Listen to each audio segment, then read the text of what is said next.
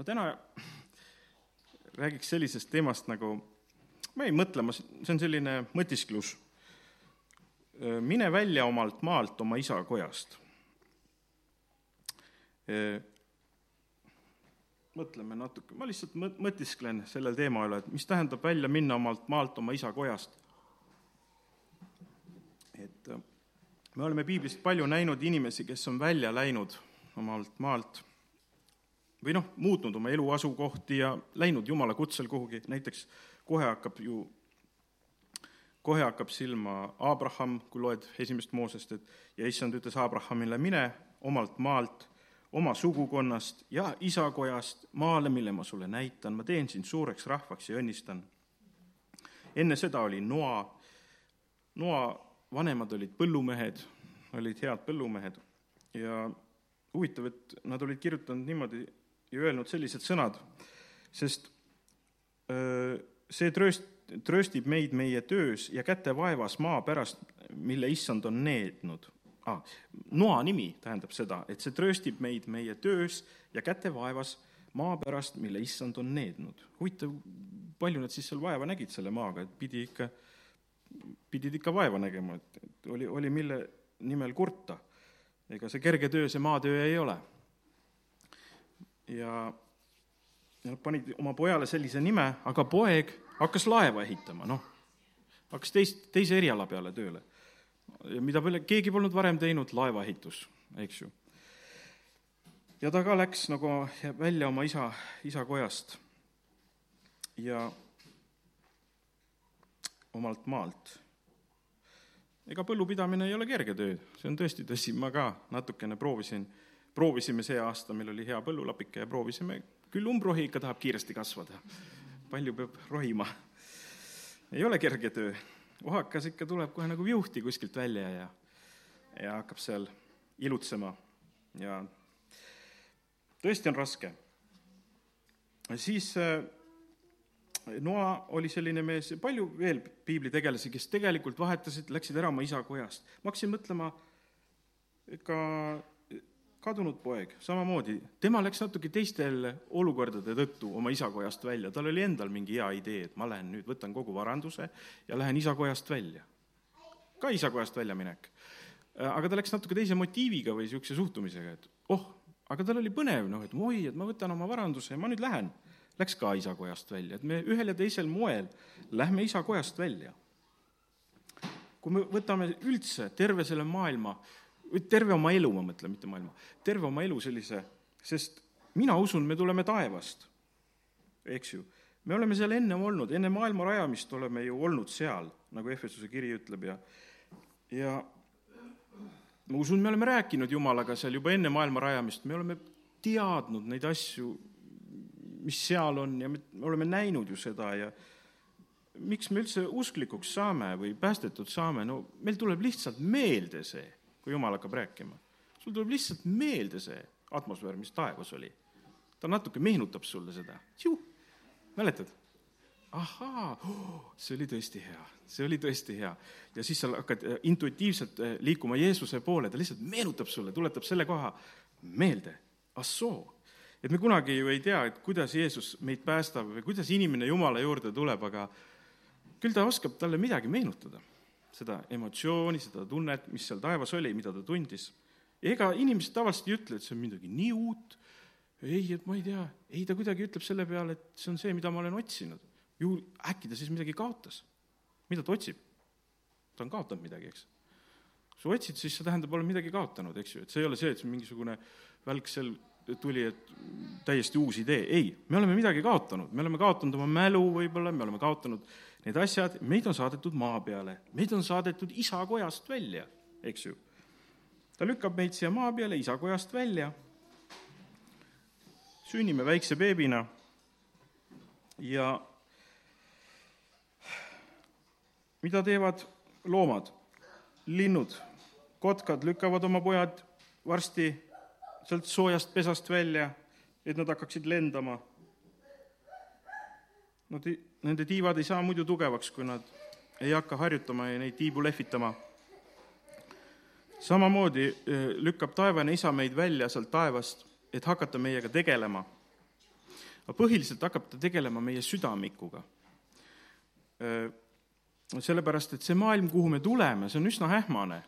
vaata, sa nagu näed, näiteks minagi praegu, ma näen uduselt, ma ei tea, miks, ma olen juba natuke vanemaks jäänud ja mul silmanägemine ei ole nii terav. ma kui mul vahel olen väsinud, siis ma näen veel udusemalt. kui ma olen puhanud, ma näen teravalt. noh, me oleme sellised üsna ähmased olendid. vahepeal ma tunnen maitset teravalt, vahepeal ma tunnen ähmaselt, eks ju, et minu keha on ka selline üsna ähmane. vahepeal ma ei pane üldse tähele, mida mu ümber räägitakse, ma ei suuda kuulata, vahepeal ma panen väga hästi tähele, eks ju. meie keha on üsna selline, me oleme sellises ähmases ja uduses maailmas aga millega põhiliselt meie, meie juures tegeldakse, tegeletakse meie südamikuga siin ähmases keskkonnas. et meid lükati siia maa peale üsna ähmasesse keskkonda, et tegeleda meie selle kõige tähtsama südamikuga, südamega. hiljaaegu mu abikaasa Kirsika luges raamatut, ma ei tea, mis selle pealkiri oli, aga meie raamatukogus on üks raamat, mis räägib taevast mul läks meelest küsida või meelest kirjutada üles, mis selle pealkiri on. aga väga huvitav raamat, kus äh, arstid räägivad äh, patsientide selliseid kogemusi ja mis nad on näinud, et kes on rääk-, äh, kes on lahkunud ja milliseid sõnumeid on tulnud teispoolsusest siis, et kui nad on käinud just taevas. ja soovitan lugeda. Ähm, see on meie koguduses olemas, tuleb lihtsalt järjekorda panna ja laenutada, eks ju, kui keegi tahab tasuta lugeda, et enda raamatut osta ja inimesed, kui nad lähevad taeva, huvitav on see, et nad ka tihtipeale jutustavad ära tagasi tulles üsna sarnaseid lugusid, sest nad käivad isegi sarnastes kohtades. mõned on rääkinud, et ma olen seda orgu näinud, teine räägib, et et jaa, ma olen ka seda orgu näinud, nad on käinud konkreetsetes kohtades, mis on kogu aeg seal olemas, et inimesed satuvad ikka väga konkreetsesse taevasse. ja jumal, ta on nagu üks, maa on üks taeva niisugune hägune koopia ja, ja kui nad sinna satuvad, kogevad nad suurt armastust, mis tohutult tervendab neid. et see hästi ravib nende hinge, sest meie hing ja meie tunded jäävad nagu alles. see koht hakkab kohe inimestele väga meeldima, siis nad kogevad seal tohutut valgust. keegi kirjeldas seda selliselt, et see oleks nagu miljon keevituskaarleeki, aga sa suudad veel seda vaadata. Jaan on meil keevitaja ma teen reklaami. aga ma olen ka näinud seda kaarleeki äh,. ei suuda seda vaadata meie maiste silmadega, jube valus, aga see taevane valgus pidi olema nagu tohutu kaarleek, nii, nii elav ja vägev valgus, kusjuures keegi ütles, et see, see ei ole tavaline valgus, see nagu elab.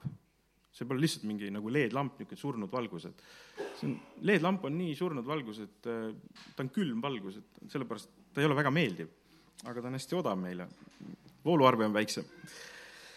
aga taevas pidi olema valgus täitsa elav, niisugune elav valgus. ja kõik asjad nagu eritavad valgust, et äh, muru ka val-, helendab ja valg-, nagu valgusest, paistab läbi ja särab valgusest. ja äh, ja esimese Korintuse kolmteist ütleb niimoodi, praegu me näeme aimamisi nagu peeglist, siis aga palgest palgesse praegu ma tunnetan poolikult, siis aga tunnetan täiesti. nagu minagi olen täiesti tunnetatud. ent nüüd jääb usk, lootus ja armastus, need kolm, aga suurim neist on armastus. ja põhiliselt, mida taevas inimesed räägivadki, et see, see suurim neist on armastus, on seal võimsalt kohal. et esimene asi, et kohe hakkab mingi armastuse keskkond tööle, mis ravib, mis tervendab, tekitab väga häid tundeid ja eks see on seesama, mida, kui me sünnime uuesti, tunneme seda taevast armastust. natukene meile meenutatakse seda ja me saame enda sisse selle. ja kui me palvetame ja eri-, ja kummardame Jumalat, siis see aktiveerub, see armastus, eks ju, et sa tunned seda. küll on hea, et me saame kummardades natuke ühendust taevaga, et see on ikka lahe. et see on äkiline värk. saada igavikust osa juba maa peal, kummardades, kiites, ülistades Jumalat, eks, et ja palvetades. sugulussuhted pidid alles jääma. kui sul on praegu erinevaid sugulasi, mul on ka selliseid sugulasi, kellega ei jõua suheldagi, no sugulasi on palju võib-olla emapoolsetega olen vähem suhelnud. väga armsad, vahepeal Facebookis näen neid ja panen mõne like'i vahepeal mõne südame isegi aga no ei jõua neid vaatama, palju on neid. kuidagi elu läheb nii, et kõigiga ei jõua suhelda. kõigiga võib-olla ei saa hästi läbigi, on ju. Aga kui nad, kui me taeva jõuame, usume, et tuleb palvetada, et sugulased ka jõuavad taeva ikka. ja küll me siis saame läbi ja mõistame täiesti üksteist, eks ju. täielik mõistmine tekib. maa peal ei ole seda täielikku mõistmist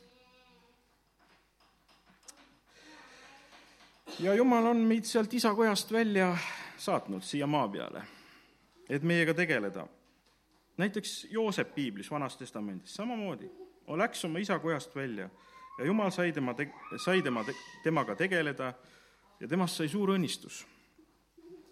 me ei oleks need, kui me ei läheks välja oma isakojast. eile oli selline lugu, et, oota eile, eile oli laupäev, üleeile, et noh, isa siin remondib oma autosid ühe konkreetse remontija juures ja no ma tulin ka Võrru ja ma kasutan kohe neid kontakte ja lähen ka oma autot sinna remontima, ühte vanemat autot ja siis lähen remontima ja siis, aga see mees helistas kohe isale, nüüd on auto valmis, et mitte mulle, aga isale, et tule järgi, su auto on valmis või tulge järgi. siis ütles, noh, sa võid juba talle ka helistada, ta on juba nelikümmend aastat, hakkab saama vanaks ja kuule, sa võid talle ka juba helistada ma ütlesin, nojah, et lõbus, et, et ei, mul tegi rõõmu, et, et, et vaata, see on see, et sa oled isa kojas, on ju. ma tulin ka nagu isa kotta, on ju, talle helistatakse, on ju. aga isal tegi ka nalja, et noh, kuule, sa võid ju talle ka helistada. aga jumal lükkab meid sealt välja, sealt isa kojast, eks ju. ja vaata, kui see kadunud poeg sealt tagasi tuli, süda oli tal hoopis muutunud, parem, ja ta sobis sinna isa kotta väga hästi pärast, kui ta sealt tagasi tuli oma eksirännakutelt, oma sigadega seal püüdis, püüdis seal süüa, ta ei suutnud seal süüa. Neid kõtrasid seal. tuli meelde, et isa kojas on hea. Ja ma ütlen, et need, vahest ma tunnen, et need paganad, paganliku kultuuri selline taastamine, see on nagu sigade kõtrade söömine. seda ei ole vaja taastada. taastada on vaja seda, mis taevast tuleb taastada on vaja seda kultuuri, mis on taevast pärit, eks ju. mul tohutult meeldisid need laulupeod, ma juba olen kunagi rääkinud siin, et need sõnad, et taevalaudas seal oleme, nagu üks laul seal ütles, et me oleme taevalaudas kõrge isamaal, kõrgel isamaal, kas see oli Juhan Liiv või kes see kirjutas nii armsasti? Või oli mingi rahvalaul see, mis oli kirja pandud. vaata, neid asju on vaja taastada, neid taeva, taevaseid kogemusi. Mitte neid teisi. aga see selleks. Ja meid lükatakse välja isa kojast, et Jumal saaks meiega tegeleda. muidu me ei, ei saaks selleks, kelleks me saame. muidu ei saanud ka kadunud poeg selleks, kelleks ta sai. ta pidi sealt läbi käima, sealt oma, oma rännakutest. tuli tagasi ja isegi see vanem vend, kes oli kogu aeg seal isakojas olnud, kuidagi ei saanud elust õieti aru. arvas, et ta on seal mingi ori ja sulane ja ja hoopis teise suhtumisega oli, ta polnud sealt ära käinud. Et tuleb, eh, nooremale pojale tuli väga kogemus kasuks, ta oli selline vastutustundlik poeg, et ma lähen, ma võtan, ma võtan vastutust, ta oli niisugune vastutustundlik poeg tegelikult, see noorem. ta ei olnud mingi niisugune, et oh, mis nüüd mina, eh, ma ikka olen siin. ta oli niisugune, minule meeldis see kadunud poja isegi see iseloom, et, et, et ta oli niisugune, ta on nagu toots. teeb pulli, aga pärast on vallavanem või, või mis ta oli seal mingi, et ikka köster küll mainis teda, et nuhtluseks meie pattude eest siia saadetud, aga, aga tegelikult nii see iseloom tuleb, eks ju. ja nii, nii tuleb ka südamehoiakud õiged. ja tihti me ka elus mõtleme, et oh, me ei hakka veel seda teist asja tegema, et me pole piisavalt veel valmis, et me ei hakka veel evangeeliumi kuulutama oma sõpradele, et või, või oma sugulastele, et me ei ole veel valmis, et et kui ma oleks nii täiuslik nagu meie pastor, et siis ma kindlasti läheks juba rääkima, aga vaata, ma ei ole veel see. mul on see probleem ja teine probleem või, või ja siis me lükkame asju, oma asju edasi, et mida me tegelikult unistame, tahame teha, aga võib-olla, aga lükkame edasi, eks ju, noh, et ah, me ei ole piisavalt, tead, täiuslikud veel midagi pole teha. kunagi, kunagi teeme, kui saame täiuslikuks. aga seda täiuslikkuse seisundit ei tule. seda ei tule. Siin maa peal, et me oleme siin ähmases maailmas ja siin ei tule niisugust täiuslikku seisundit, noh.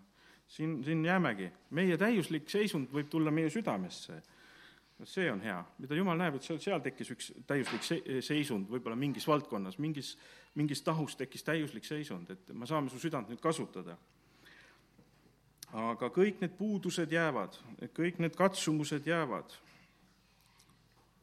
ma lugesin eh, hiljaaegu ka Iisraeli riigi sellist, seda viimase viimast ajalugu nüüd seda, kus nende riik, riik sündis jälle ja ja, ja see ei olnud ka kaugeltki täiuslik hetk, kui toimus see üsna vajalik ja prohvetlik ja lõpuaegadele väga märgiline otsus, et Iisraeli riik ju sündis, eks ju.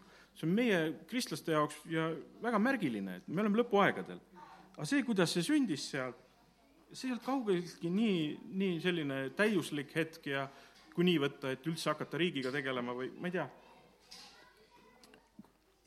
kaksteist mai tuhat üheksasada nelikümmend kaheksa algas noh, sellise, see ei olnud valitsuse koosolek, aga selline, mis ta oli, mingi ühing oli seal, kes planeeris riik, riigi asju seal ajas ja koosolek algas kolmteist nelikümmend viis ja lõppes pärast südaööd. otsus oli, kas teha vaherahu nagu seal ara-, araablastega, mida Ameerika nagu eh, palus, et tehke vaherahu araablastega kas võtame selle otsuse või kuulutame välja iseseisvuse. viimane variant läks hääletusele, kohal oli kümme liiget ja kuus toetasid, et teeme ise riigi, teeme iseseisva riigi. et ei, ei tee lihtsalt ühe kokkuleppe, et, et vaherahu kokkulepe, sest seal britid nagu olid ka seal oma vägedega, nad kuidagi taandusid, neil tekkis niisugune vaba õhk, et midagi ise otsustada. et nad nagu sattusid omale maale nagu ilma suure vägeva võõrvõimuta, meil oli eestlastel umbes sarnane olukord, et me sattusime nagu het-, mingi õhk tekkis, et kui Nõukogude Liit, mm, et nagu kui Lenin tegi selle Nõukogude Liidu, on ju, et tekkis see õhk, et, et teha oma riik, see hetk oli. ja Iisraelil on midagi sarnast. aga see, mõtle, kuus kümnest üldse tõstsid käe, et noh, et teeks selle riigi nagu. nagu ühe häälega, aga me oleme nüüd täna lõpuaegadel, on ju. no ikka, see ei ole täiuslik hetk see ei olnud selline, sõda käib. neliteist mai tuhat üheksasada nelikümmend kaheksa kuulutas Tel Avivis juudi agentuuri esimees David Ben-Gurion Iisraeli riigi, asutades siis kaks tuhat aastat hiljem juudi riigi. Ben-Gurionist sai ka Iisraeli esimene peaminister. aga samal ajal kauguses oli kuulda relvade mürinat võitlustest, mis puhkesid juutide ja araablaste vahel vahetult peale Briti armee taganemist samal päeval. Egiptus algatas sel õhtul Iisraeli vastu õhurünnaku, hoolimata elektrikatkestustest Tel Avivis ja oodatavast araablaste sissetungist tähistasid juudid rõõmsalt oma uue rahva sündi, eriti pärast seda, kui saadi kätte teade, et USA on tunnistanud juudi riik, on tunnustanud juudi riiki. keskööl loodi Iisraeli riik ametlikult pärast Briti mandaadi lõppemist Palestiinas. et, et see, see olukord, kus asjad sünnivad, ei ole kaugeltki üldse täiuslik, see on selline kriitiline, see on nagu sündimine. nüüd tulevad valud, nüüd tuleb sünnitus, nüüd tuleb minna. ja, ja mõtle, ja ka sündimine, sünnitus on ka, kas ta sureb ära või jääb ellu, eks ju, kas ema sureb ära, kas laps sureb ära, kas, kas kõik jäävad ellu, selline kriitiline hetk nagu, et et äh, tekib selline olukord. ja need ei ole täiuslikud hetked, kus midagi suurt sünnib, kaugeltki. enne enne seda holokausti oli tohutu ka vastumeelsus selle üle üldse, et juudi riik luua. osad lükkasid juudi riigi loomise sada aastat edasi, ütlesid, oh, selle ilusa idee võiks teha kuskil umbes nii võib-olla viiskümmend kuni sada aastat hiljem, et siis me oleme valmis, täiuslikud. aga no, no me ei saa täiuslikuks, eks ju. aga tuli hetk, kus see lihtsalt tuli ära otsustada, kas teeme või ei tee enne holokausti oli praktiliselt kaheksakümmend protsenti vist rabidest ka vastu. kõik olid vastu, nad arvasid, et Messias ise tuleb ja teeb selle riigi, mis nüüd meie? ja siiamaani on, osad rabid arvavad, et, et, et see riik on nii, noh, on nagu on, et varsti tuleb Messias ja teeb selle riigi. et, et see, et see ei ole nii tähtis praegu, see, mis seal toimub. aga ma usun, et on tähtis, see, mis seal toimub. aga aga eks neil on omamoodi õigus ka, Jeesus tuleb ja teeb tõesti ühe võimsa riigi. see on tõesti amen, see mõte. ja nii et käivad kõvad vaidlused teinekord, et kui sünnivad head asjad ja otsused. aga täna on, on võimas juudi riik, Iisrael kaitseb oma rahvast, kõik saavad seal elada, eks. Eesti lugu oli umbes samasugune, kas või üheksakümnendatel. Käis tuline vaidlus enne hääletamist, et kas me taastame Eesti Vabariigi seda tuhande üheksasaja kaheksateistkümnendat aastal loodud riiki või hakkame looma mingit uut. ja seal oli tuline vaidlus, kus lõpuks sai vaieldud, saime täna vabariigi, oleks me teinud midagi uut, kes jõuaks selle Putiniga vaielda, et ja mis sellest Tartu rahulepingust oleks siis, et kasu üldse, mitte midagi. siis me oleks väga täbaras olukorras, ma usun. ja need on niisugused napikad, mille peal sünnivad väga head asjad. Ja jumal teeb neid kaugeltki mitte täiuslikudel hetkedel, pidulikudel hetkedel. Need on sellised hetked, kus võib-olla ei ole kaugeltki üldse pidulik, aga sees on pidulik, südames on pidulik. et me ka tihti lükkame kõik head asjad kaugele tulevikku, lootes, et, et tuleb mingi pidulik ja mõnus hetk, kus ma rahulikult hakkan siis neid asju ajama. ei, sa pead tihti tegema käigu pealt mina arvasin ka noorena, et, et ma kindlasti tulen Jumala juurde, aga noh, lükkasin ka edasi seda, ikka lükkasin edasi. olid sellised sõbrad ja kellega läksin, hakkasin natuke vägivaldseks, hakkasime seal kaklema ja olid niisugused imelikud kombed hakkasid tulema.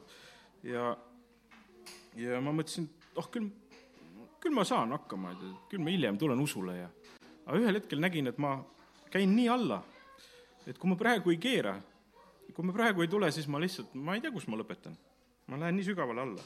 ja jumal päästis mu ja ma, ma tulin sellest vanast elust välja, tänu jumalale üsna, et ta hoidis mind, et ma ei läinud kõike järgi proovima, mis see maailm pakub tänu jumalale. ja meie väline olukord ei ole kaugeltki mitte nii ideaalne, kui me tahame midagi elus otsustada ja aga meie süda on oluline, mis, mis seisus, seisundis on see. kui Mooses oli seal kõrbes ja jumal kutsus teda Iisraeli rahvast päästma, noh siis ta oli ka kaugeltki mitte täiuslikus olekus ja seisundis seal. oli nagu oli seal. nelikümmend aastat oli seal kõrbes juba kuivatud ja, ja siis korraga jumal arvab, et nüüd on täiuslik seisund, nüüd tuleb minna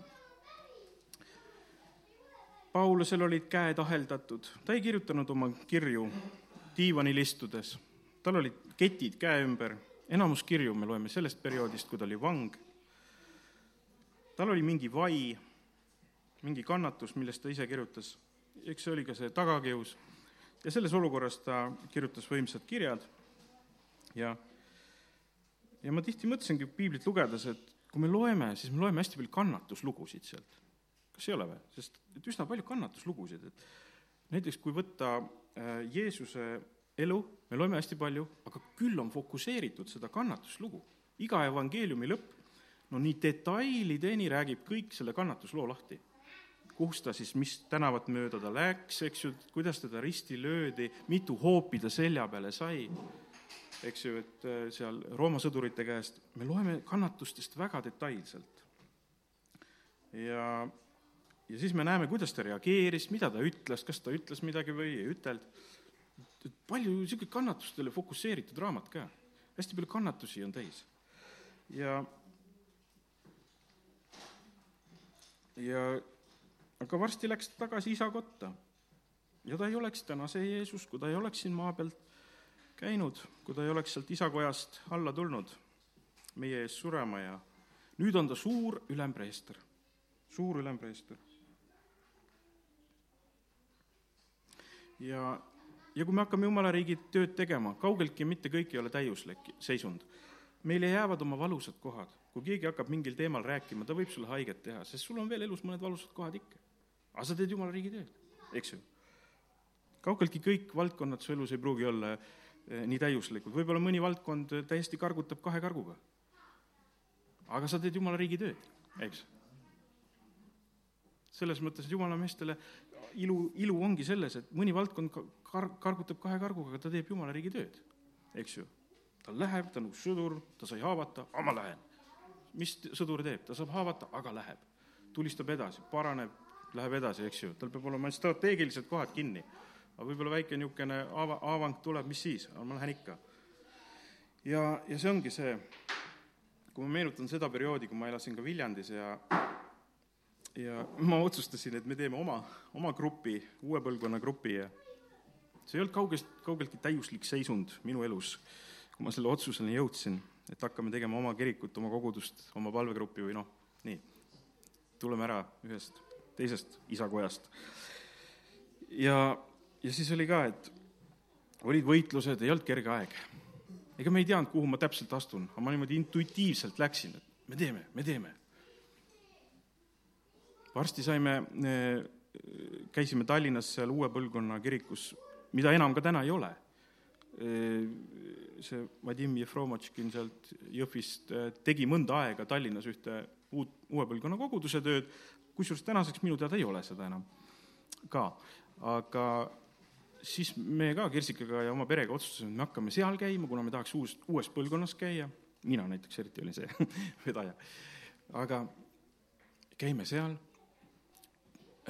ütlesin seal ka, et küll on tore teil siin, ma mäletan, nad kutsusid meid vahepeal, ütle ka paar sõna seal kirikus ja küll on tore teil, ma tunnen siin nagu kodus. ma ütlesin need sõnad, nendel tegi rõõmu, et oh, kuidas sa tunned siin ennast nagu kodus aga oli selline, ma tõesti tundsin sel hetkel, et see uus põlvkond, see on nagu kodu. ma olin kunagi seal noorena olnud seal Riias käinud ja kuidagi see oli nagu, nagu kodutunne, et kui ma sattusin sinna keskkonda varsti tuli Dmitri Makarenko sinna, üks suur ja turske mees, ma mõtlesin, kes see on. Dmitri Makarenko, nüüd me teame kõik teda, on ju. ja siis ta tuli sinna, siis ta räägib, et see Vadim räägib, et, et Viljandis, kuule, seal tuleks koosolekut teha. et te tahate ka kirikut teha, et tuleb seal koosolekut teha. mina mõtlesin, appikene, mis koosolekud, suured Viljandis. pakun kohe isale, tal siin rahvast rohkem ja et saab paremini hakkama mul oli kohe ruttu õlekõrs. kui midagi suurt hakkas sündima, ma helistasin isale, et kuule, et kuule, kuule, niisugune, niisugune pastor tuleb, et mis me nüüd teeme, mis me nüüd teeme? ma ju oma perega ei saa ju seal, ei tea, mis suurt vägevat koosolekut seal jõua korraldada võib-olla ja tänu jumalale tuli Viljandi ka see pastor, vist paar korda käis seal. ja kes on õnnistatud saanud Dmitrist, paljud on saanud. aga vaata, ma ei, me läksime seda tegema, seda kirikut ja, ja seda koguduse tööd, me ei teadnud, mis sellest saab me lihtsalt läksime. aga jumal teadis, mis sellest saab. mingi Dmitri tuleb kuskilt välja, hakkab siin käima Võrus ja see oli vägev. vaata, see ongi see, et me ei ole täiuslikus seisundis, me ei tea, mis tuleb, sa lähed usus välja, hakkad tegema ja jumal hakkab midagi tegema. meil endal sellest nii palju kasu ei olnudki, sellest Dmitri Makarenko käimisest, kui, kui teil Võrus. Teil oli täiega kasu. Tsooru töö läks lahti, eks ju. siis läks seal Uue Antslas, meil endal nii väga ei olnudki aga me muudkui seal, et meil tuleb kirik, meil tuleb kogudus, halleluuja, Viljandist tuleb uus põlv. ah, perega olime, mõni oli veel ja, aga hea oli ikka, hea oli ikka jumalaga koos olla. ikka oli mõnus. Läksid pühapäeval, tegid oma, jutlustasid seal oma perele ja mõnele veel ja mõnus oli ikka, kiitsid aga Jumalat, halleluuja noh, siis loodadki, et Jumal tegeles südamikuga muud ei olnud, et muud seal ei olnud, et tegeles südamikuga. su elus tuleb järgmine kord mõni teine olukord, tuled kuskile teise olukorda, ahaa, aga su süda keeratakse lihtsalt teist külge, nüüd hakkab siitpoolt lihvimine, eks ju et kui su elus olukorrad vahetuvad, siis tuleb teise südame külge, lihvimise hetk lihtsalt. nüüd keerame selle poole, nüüd paneme siit. ennem oli see pool, eks ju. nüüd teist poolt et me, olukorrad on selleks, et erinevaid külgi südamel lihvida, eks ju, amen. nii et ära pelga erinevaid olukordi, erinevaid kannatusi, mis su ellu tulevad.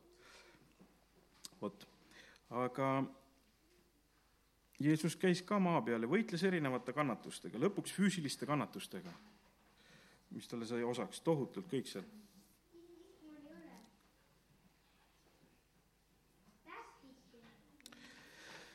uh-huh. Ja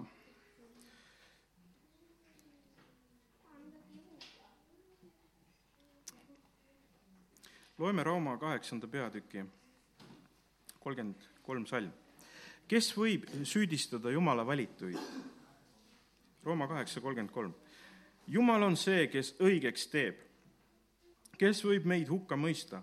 Kristus Jeesus on, kes suri ja mis veel enam, kes üles äratati, kes on Jumala paremal käel ja kes palub meie eest. kes võib meid lohut-, eh, lahutada Kristuse armastusest, kas viletsus või ahistus või tagakiusamine või nälg või alastiolek või hädaoht või mõõk, nagu on kirjutatud, kirjutatud, sinu pärast surmatakse meid kogu päeva, meid kohetakse nagu tapalambaid. kuid selles kõiges me saame täieliku võidu tema läbi, kes meid on armastanud. Nendes erinevates seisundites me elus eh, saame täieliku võidu tema läbi, kes meid on armastanud. sest me oleme veendunud, et ei surm ega elu, ei inglid ega peainglid, ei praegused ega tulevased, ei väed ega kõrgus, ei sügavus ega mis tahes muu loodu suuda meid lahutada Jumala armastusest, mis on Kristuses Jeesuses, meie issandas. nii et erinevates olukordades me saame täie võidu. amen. Jeesus saadeti ka taevast alla, et et teha, ta ja ta tuli teise mehena tagasi selles suhtes, et ta, ta poleks see, kui ta poleks sealt välja läinud. nii et kui sa lähed isakojast välja, sa lähed ka taeva tagasi hoopis teisena, kui sa sealt välja tulid. nii et, nii et võtame seda aega ja kasutame selleks, mis me maa peal elame, et, et kui me lähme taeva, et me tuleme tagasi tugevamatena, usujulgetena, täis armastust Jumala ja inimeste vastu ja nii edasi. ja see oligi tänane minu mõte. ja täna tõuseme ja palvetame, et meid lükatakse välja isakojast, aga me tuleme tagasi, tuleme tagasi teistena ja tugevamatena. tänu sulle, Jeesus, tänasega hommiku eest, kus me oleme mõelnud, Jumal, selle üle, et mida sa teed meiega, et, et olukorrad, mis meie elus on, ei ole täiuslikud, aga sina teed meie erinevate südametahkudega tööd ja tänu sulle, Jeesus, et, et, et, et sina oskad luua meist kellegi, kes sulle seal taevas meeldib ja, ja tänu sulle selle võimaluse eest üldse maale elama tulla siia, et me sellepärast saamegi kord taeva, tagasi minna, et hoopis teistena. ja tänu sulle, Jeesus, et sa oled meie suur ülempreester seal taevas. teed meie, meie eest pühasid toiminguid, teed meie eest seal, suitsutad mingeid rohtusid, millest me ei teagi võib-olla kõike, mis seal on, aga sa teed, räägid isale ja seisad meie eest. sa oled meie suur ülempreester, Jeesus sa oled teinud üheainsa täiusliku ohvri ja me selle ohvri tõttu oleme täiuslikud tänu sul selle eest, Jeesus. tänu sulle, Jeesus, et sa teed rohkem, kui me oskame ise plaanida või oskame ise unistada, sa teed palju rohkem, Jeesus. ja aita meid ka, kui me lähme praegu äh, sinu surma mälestama, Jeesus, et õnnistage seda hetke. Jeesuse nimel, aamen